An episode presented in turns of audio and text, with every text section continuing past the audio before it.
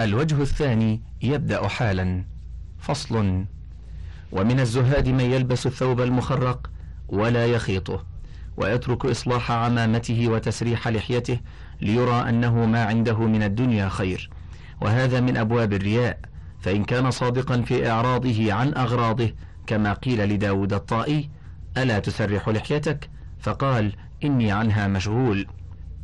فليعلم أنه سلك غير الجادة إذ ليست هذه طريقة الرسول صلى الله عليه وسلم ولا أصحابه. فإنه كان يسرح شعره وينظر في المرآة ويدهن ويتطيب وهو أشغل الخلق بالآخرة. حاشية. الأحاديث الصحيحة التي تروى في تسريح الرسول لشعره وخضابه وادهانه كثيرة نذكر منها. عن ابن عباس أن رسول الله صلى الله عليه وسلم كان يسدل شعره. وكان المشركون يفرقون رؤوسهم وكان أهل الكتاب يسدلون رؤوسهم وكان يحب موافقة أهل الكتاب فيما لم يؤمر فيه بشيء. ثم فرق رسول الله صلى الله عليه وسلم رأسه وسدل الشعر إرساله ومعنى فرق رأسه أي ألقى الشعر إلى جانبي رأسه. باء. عن عائشة قالت كنت أرجل رأس رسول الله صلى الله عليه وسلم وأنا حائض. والترجيل التسريح. جيم. عن عبد الله بن مغفل قال نهى رسول الله عن الترجل إلا غب والغب اليوم بعد اليوم أي يرجل شعره وينظفه ويحسنه من وقت لآخر. دال سئل جابر بن سمرة عن شيب رسول الله صلى الله عليه وسلم فقال كان إذا دهن رأسه لم ير منه شيء وإذا لم يدهن رؤي منه شيء. هاء سئل أبو هريرة هل خضب رسول الله صلى الله عليه وسلم؟ قال نعم. واو عن أنس قال رأيت شعر رسول الله صلى الله عليه وسلم مخضوبا. والأحاديث التي تروى في تطيب رسول الله صلى الله عليه وسلم نذكر منها. أوالي قراءة الهامش. ألف عن أنس بن مالك قال كان لرسول الله سكة يتطيب منها. والسكة وعاء يوضع فيه الطيب. باء عن أنس قال إن النبي كان لا يرد الطيب. انظر مختصر الشمائل المحمدية. أرقام أربعة وعشرين خمسة وعشرين ثمانية وعشرين اثنين وثلاثين ثمانية وثلاثين أربعين خمسة وثمانين ومئة ستة وثمانين ومئة. وانتهت الحاشية. وكان أبو بكر وعمر رضي الله عنهما يخضبان بالحناء والكتم وهما أخوف الصحابة وأزهدهم. فمن ادعى رتبة تزيد على السنة وأفعال الأكابر لم يلتفت إليه. حاشية الحناء والكتم ورق يصبغ به وخضاب أبي بكر وعمر صحيح. انتهت الحاشية. فصل ومن الزهاد من يلزم الصمت الدائم وينفرد عن مخالطة أهله فيؤذيهم بقبح أخلاقه وزيادة انقباضه. وينسى قول النبي صلى الله عليه وسلم إن لأهلك عليك حقا. وقد كان رسول الله صلى الله عليه وسلم يمزح فيلاعب الأطفال ويحدث أزواجه. وسابق عائشة إلى غير ذلك من الأخلاق اللطيفة. فهذا المتزهد الجاعل زوجته كالأيم وولده كاليتيم لانفراده عنهم وقبح أخلاقه. لأنه يرى أن ذلك يشغله عن الآخرة ولا يدري لقلة علمه أن الانبساط إلى الأهل من العون على الآخرة. وفي الصحيحين أن النبي صلى الله عليه وسلم قال لجابر هل لا تزوجت بكرا تلاعبها وتلاعبك؟ وربما غلب على هذا المتزهد التجفف فترك مباضعة الزوجة فيضيع فرضا بنافلة غير ممدوح بنافلة غير ممدوحة. حاشية؟ أما مزاح الرسول وملاعبته الأطفال فعن أنس بن مالك أن النبي قال له يا ذا الأذنين. قال أبو أسامة يعني يمازحه. وعن أبي هريرة قال قالوا يا رسول الله إنك تداعبنا. قال نعم غير أني لا أقول إلا حقا. انظر مختصر الشمائل المحمدية برقم مئتين وبرقم اثنين بعد المئتين. حديثه لأزواجه من الأحاديث الصحيحة التي تروى في ذلك حديث أم زرع الطويل المشهور. مسابقته لعائشة صحيح. ابن ماجه في النكاح. باب حسن معاشرة النساء. برقم تسعة وسبعين وتسعمائة بعد الألف. أحمد في المسند. الجزء السادس صفحة التاسعة والثلاثون والتاسعة والعشرون والمئة الثانية والثمانون والمئة الحادية والستون والمئتان الثمانون بعد المئتين. الأيم العزب. رجلا كان أو امرأة تزوج من قبل أو لم يتزوج وهي أيمة أيضا. والحديث الذي يشير إلى هل بكرا تلاعبها وتلاعبك هو صحيح. البخاري في النكاح باب تزويج الثيبات الجزء التاسع الصفحة الرابعة والعشرون. مسلم في الرضاع باب استحباب نكاح البكر من الخامسة والخمسين إلى السابعة والخمسين. وانتهت الحاشية. فصل ومن الزهاد من يرى عمله فيعجبه فلو قيل له أنت من أوتاد الأرض رأى ذلك حقا. حاشية كذلك لفظة البضع هو الزواج وعقده وكذلك المهر والفرج. أوتاد الأرض الجبال وأوتاد البلاد رؤساؤها وأوتاد الصوفية أربعة رجال منازلهم على منازل أربعة أركان من العالم. شرقي وغربي وشمالي وجنوبي. مع كل واحد منهم مقام تلك الجهة. انتهت الحاشية. ومنهم من يترصد لظهور كرامته ويخيل إليه أنه لو قرب من الماء قدر أن يمشي عليه. فإذا عرض له أمر فدعا فلم يجب تذمر في باطنه فكأنه أجير يطلب أجر عمله. حاشية. تذمر لام نفسه على فائت وتغضب. وتذمر عليه تنكر له وتواعده. انتهت. ولو رزق الفهم لعلم أنه عبد مملوك والمملوك لا يمن بعمله. ولو نظر إلى توفيقه للعمل لرأى وجوب الشكر فخاف من التقصير فيه. وقد كان ينبغي أن يشغله خوفه على العمل من التقصير فيه عن النظر إليه. كما كانت رابعة تقول استغفر الله من قلة صدقي في قولي. حاشية رابعة بنت إسماعيل مولاة آل عتيك العدوية البصرية العابدة المشهورة ذكرها أبو نعيم في الحلية وابن الجوزي في صفة الصفوة والسهروردي في المعارف والقشيري. وأثنى عليها أكثر الناس وقد ذكروا لها أحوالا وأعمالا صالحة وصيام نهار وقيام ليل ورؤيت لها منامات صالحة توفيت بالقدس الشريف سنة خمس وثمانين ومائة. البداية والنهاية لابن كثير في الجزء العاشر في الصفحة السادسة والثمانين والمئة والسابعة والثمانين والمئة. انتهت. وقيل لها هل عملت عملا ترين أنه يقبل منك؟ فقالت إذا كان فمخافتي أن يرد علي. فصل. ومن تلبيس إبليس على قوم من الزهاد الذي دخل عليهم فيه من قلة العلم أنهم يعملون بواقعاتهم ولا يلتفتون إلى قول الفقيه. حاشية أي بما يرونه موافقا لمزاجهم وهواهم. انتهى.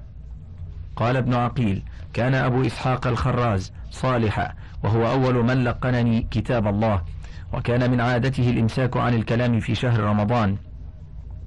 فكان يخاطب بآي القرآن فيما يعرض إليه من الحوائج فيقول في إذنه ادخلوا عليهم الباب المائدة الثالثة والعشرون.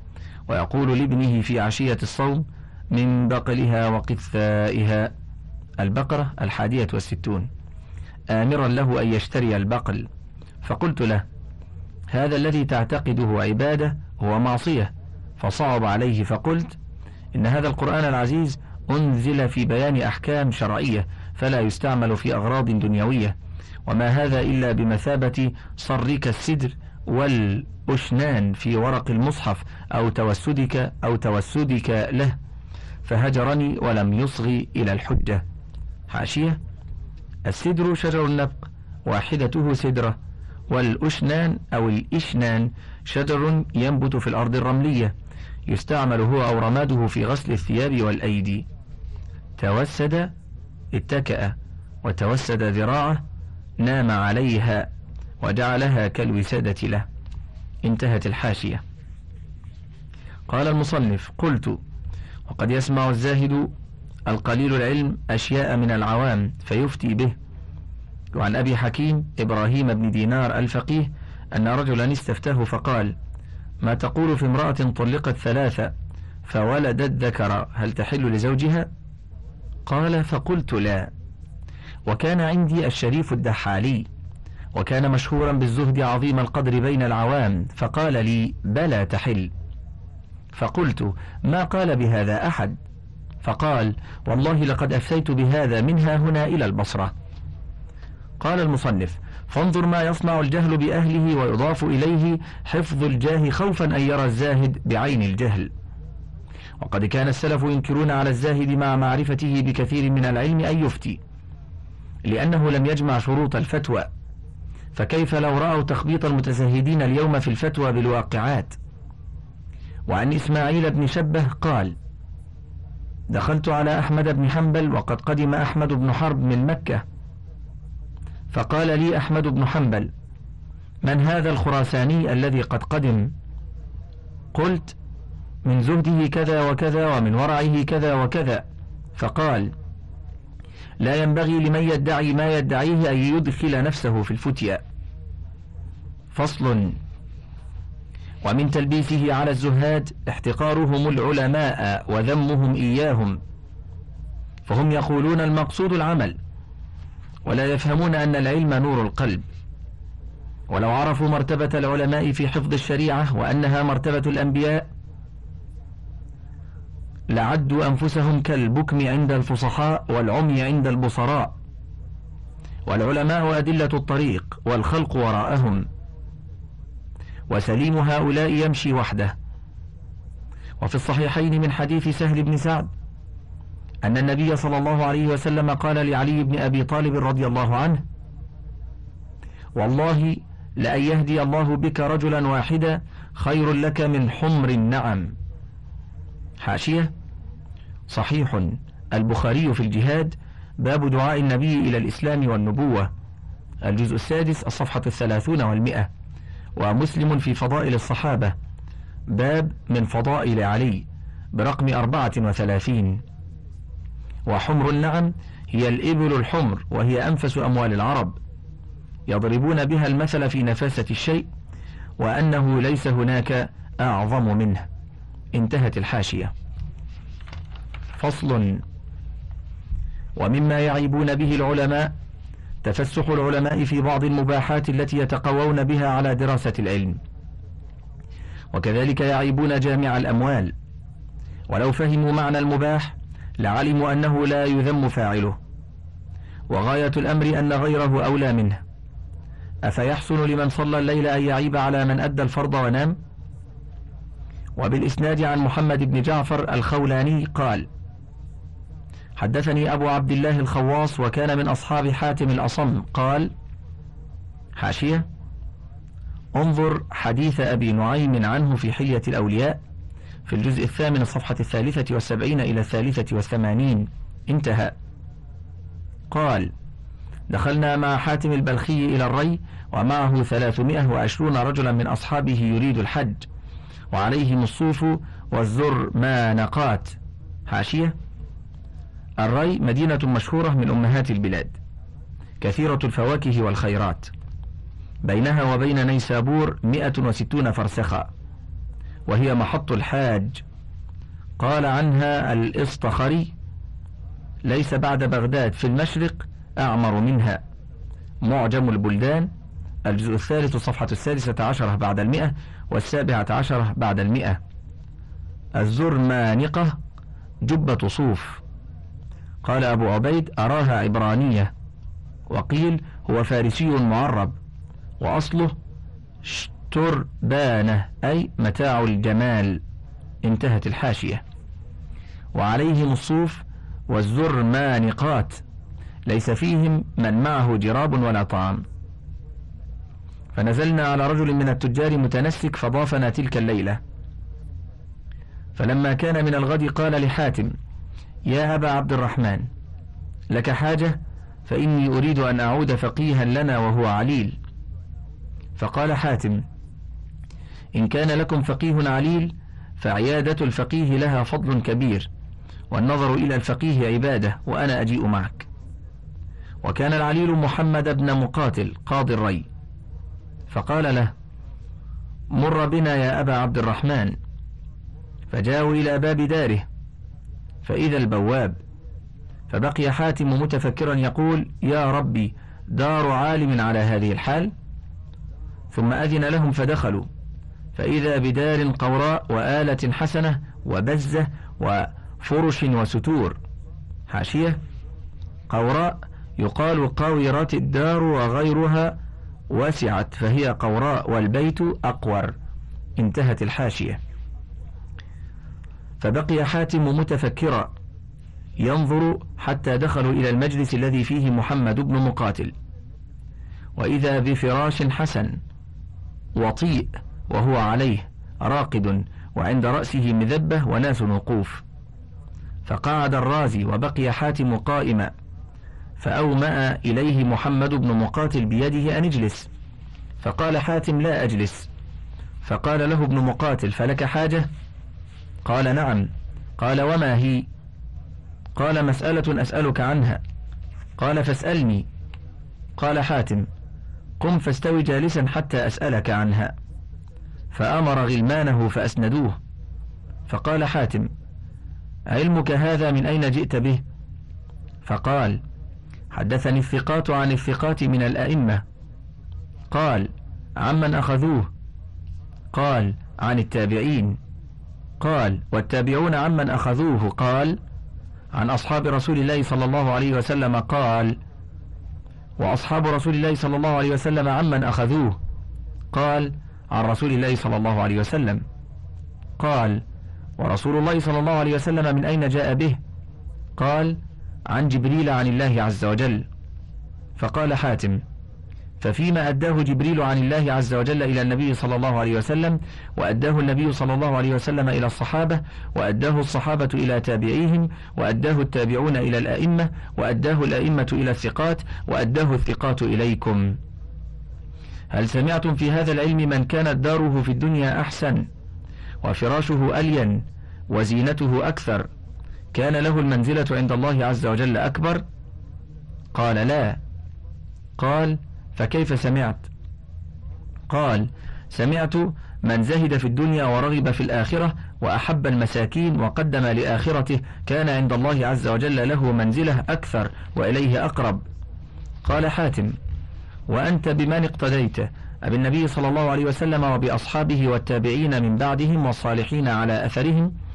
أو فرعون ونمروذ فإنهما أول من بنى بالجص والآجر.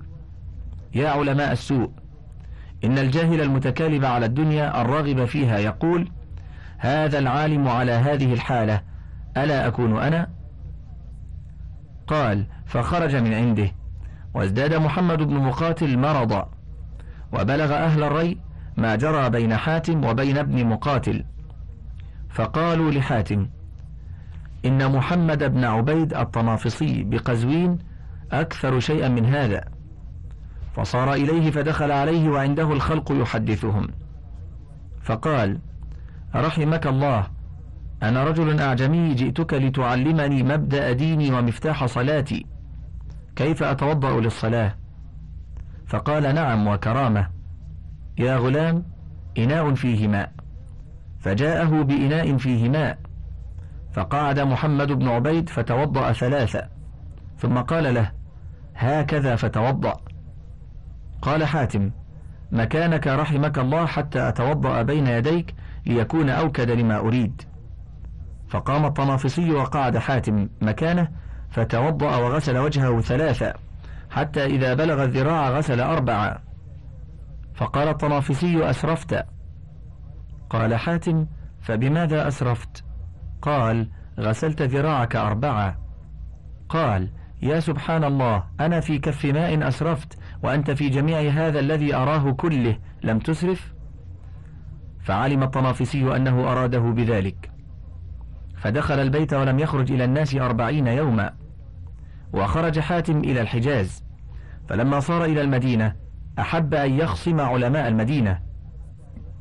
فلما دخل المدينة قال يا قوم أي مدينة هذه؟ قالوا مدينة الرسول صلى الله عليه وسلم. فقال فأين قصر رسول الله صلى الله عليه وسلم حتى أذهب إليه فأصلي فيه ركعتين؟ قالوا ما كان لرسول الله صلى الله عليه وسلم قصر إنما كان له بيت لاطئ. حاشية؟ لطئ بالأرض التصق بها. والمقصود أنه بيت متواضع بني بالطين وسقفه بالجريد. ولو مد الواقف يده لأمسكت بالسقف. لكن هذا البيت كان مهبط الأمين ومنزل الوحي وبيت النبوة ودار الطهر. انتهت الحاشية. قال فأين قصور أهله وأصحابه وأزواجه؟ قالوا ما كان لهم قصور إنما كانت لهم بيوت لاطئة. فقال حاتم فهذه مدينة فرعون. قال فسبوه وذهبوا به إلى الوالي. وقالوا هذا العجمي يقول هذه مدينة فرعون. فقال الوالي لما قلت ذلك؟ قال حاتم لا تعجل علي أيها الأمير أنا رجل غريب دخلت هذه المدينة فسألت أي مدينة هذه؟ قالوا مدينة رسول الله صلى الله عليه وسلم. وسألت عن قصر رسول الله صلى الله عليه وسلم وقصور أصحابه قالوا إنما كانت لهم بيوت لاطئة. وسمعت الله عز وجل يقول لقد كان لكم في رسول الله أسوة حسنة. الأحزاب الحادية والعشرون. فأنتم بمن تأسيتم برسول الله صلى الله عليه وسلم أو بفرعون؟ حاشية انظر حلية الأولياء لأبي نعيم في الجزء الثامن الصفحة الثمانين إلى الثالثة والثمانين. انتهت. قال المصنف قلت الويل للعلماء من الزاهد الجاهل الذي يقتنع بعلمه فيرى الفضل فرضا.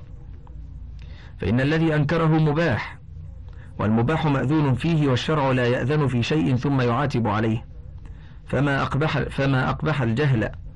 ولو أنه قال لهم لو قصرتم فيما أنتم فيه لتقتدي الناس بكم كان أقرب حاله. ولو سمع هذا بأن عبد الرحمن بن عوف والزبير بن العوام وعبد الله بن مسعود رضوان الله عليهم وفلانا وفلانة من الصحابة خلفوا مالا عظيما. أتراه ماذا كان يقول؟ وقد اشترى تميم الداري حلة بألف درهم وكان يقوم فيها بالليل. ففرض على الزاهد التعلم من العلماء. حاشية؟ تميم الداري ابن أوس ابن خارجة صحابي مشهور سكن بيت المقدس بعد قتل عثمان. قيل مات سنة أربعين للهجرة. التقريب الجزء الأول صفحة الثالثة عشرة بعد المئة. انتهت. فإذا لم يتعلم فليسكت. وعن مالك بن دينار رضي الله عنه قال إن الشيطان لا يلعب بالقراء كما يلعب الصبيان بالجوز. حاشية الجوز من كل شيء وسطه والجوز ثمر يؤكل. معرب انتهت. وعن حبيب الفارسي يقول والله إن الشيطان لا يلعب بالقراء كما يلعب الصبيان بالجوز. حاشية انظر حلية الأولياء لأبي نعيم في الجزء السادس الصفحة الثانية والخمسين بعد المئة والثالثة والخمسين بعد المئة. انتهت. قال المصنف المراد بالقراء الزهاد وهذا اسم قديم لهم معروف والله الموفق للصواب وإليه المرجع والمآب. الباب العاشر في ذكر تلبيسه على الصوفية من جملة الزهاد.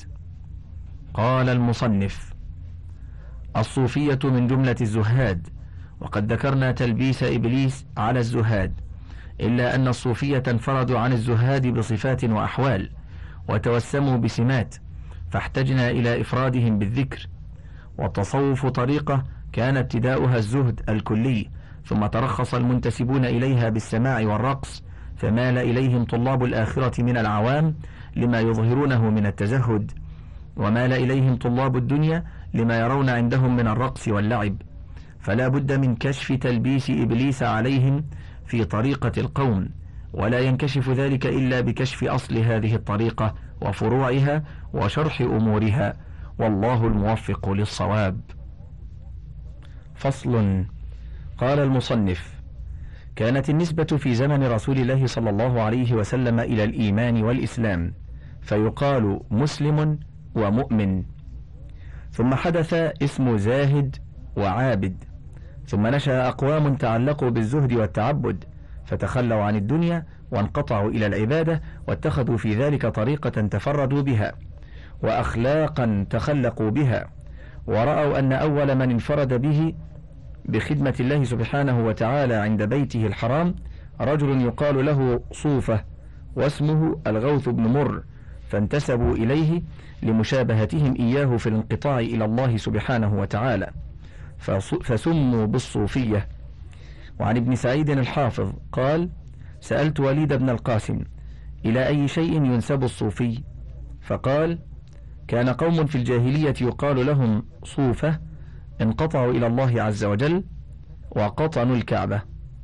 فمن تشبه بهم فهم الصوفية. قال عبد الغني فهؤلاء المعروفون بصوفة ولد الغوث بن مر ابن أخي تميم ابن مر. وعن الزبير بن بكار قال كانت الإجازة بالحج للناس من عرفة إلى الغوث بن مر بن أد ابن طابخة. ثم كانت في ولده وكان يقال لهم صوفة. وكان إذا حانت الإجازة قالت العرب أجز صوفة. قال الزبير. قال أبو عبيدة وصوفة وصوفان يقال لكل من ولي البيت شيئا من غير أهله أو قام بشيء من أمر المناسك يقال لهم صوفة وصوفان. وعن محمد بن السائب الكلبي قال إنما سمي الغوث ابن مر صوفة لأنه ما كان يعيش لأمه ولد. فنذرت لئن عاش لتعلقن برأسه صوفة ولتجعلنه ربيط الكعبة. ففعلت فقيل له صوفة ولولده من بعده. وعن عقال بن شبة قال قالت أم تميم ابن مر وقد ولدت نسوة فقالت لله علي إن ولدت غلاما لأعبدنه للبيت. فولدت الغوث بن مر فلما ربطته عند البيت أصابه الحر فمرت به وقد سقط واسترخى. فقالت ما صار ابني إلا صوفة فنسمى صوفة. وكان الحج وإجازة الناس من عرفة إلى منى ومن منى إلى مكة لصوفة فلم تزل الإجازة في عقب صوفة حتى أخذتها عدوان فلم تزل في عدوان حتى أخذتها قريش. فصل. قال المصنف وقد ذهب قوم إلى أن التصوف منسوب إلى أهل الصفة وإنما ذهبوا إلى هذا لأنهم رأوا أهل الصفة على ما ذكرنا من صفة صوفة في الانقطاع إلى الله عز وجل وملازمة الفقر. فإن أهل الصفة كانوا فقراء يقدمون على رسول الله صلى الله عليه وسلم وما لهم أهل ولا مال. فبنيت لهم صفة في مسجد رسول الله صلى الله عليه وسلم وقيل أهل الصفة. وعن الحسن قال بنيت صفة لضعفاء المسلمين فجعل المسلمون يوصلون إليها ما استطاعوا من خير. حاشية ابن أبي الحسن البصري ثقة فقيه فاضل مشهور وكان يرسل كثيرا ويدلس وهو رأس أهل الطبقة الثالثة مات سنة عشر ومئة للهجرة وقد قارب التسعين. التقريب الجزء الأول الصفحة الخامسة والستون والمئة. انتهت الحاشية. وكان رسول الله صلى الله عليه وسلم يأتيهم فيقول السلام عليكم يا أهل الصفة. فيقولون وعليك السلام وعليك السلام يا رسول الله. فيقول كيف أصبحتم؟ فيقولون بخير يا رسول الله. وعن أبي ذر قال حاشية أبو نعيم الأصبهاني في حلية الأولياء في الجزء الأول في الصفحة الأربعين بعد الثلاثمائة. انتهت. وعن أبي ذر قال كنت من أهل الصفة وكنا إذا أمسينا حضرنا باب رسول الله صلى الله عليه وسلم فيأمر كل رجل فينصرف برجل فيبقى من بقي من أهل الصفة عشرة أو أقل فيؤثرنا رسول الله صلى الله عليه وسلم بعشائه فنتعشى فإذا فرغنا قال رسول الله صلى الله عليه وسلم ناموا في المسجد. انتهى الشريط الثاني عشر من كتاب تلبيس إبليس وللكتاب بقية على الشريط التالي.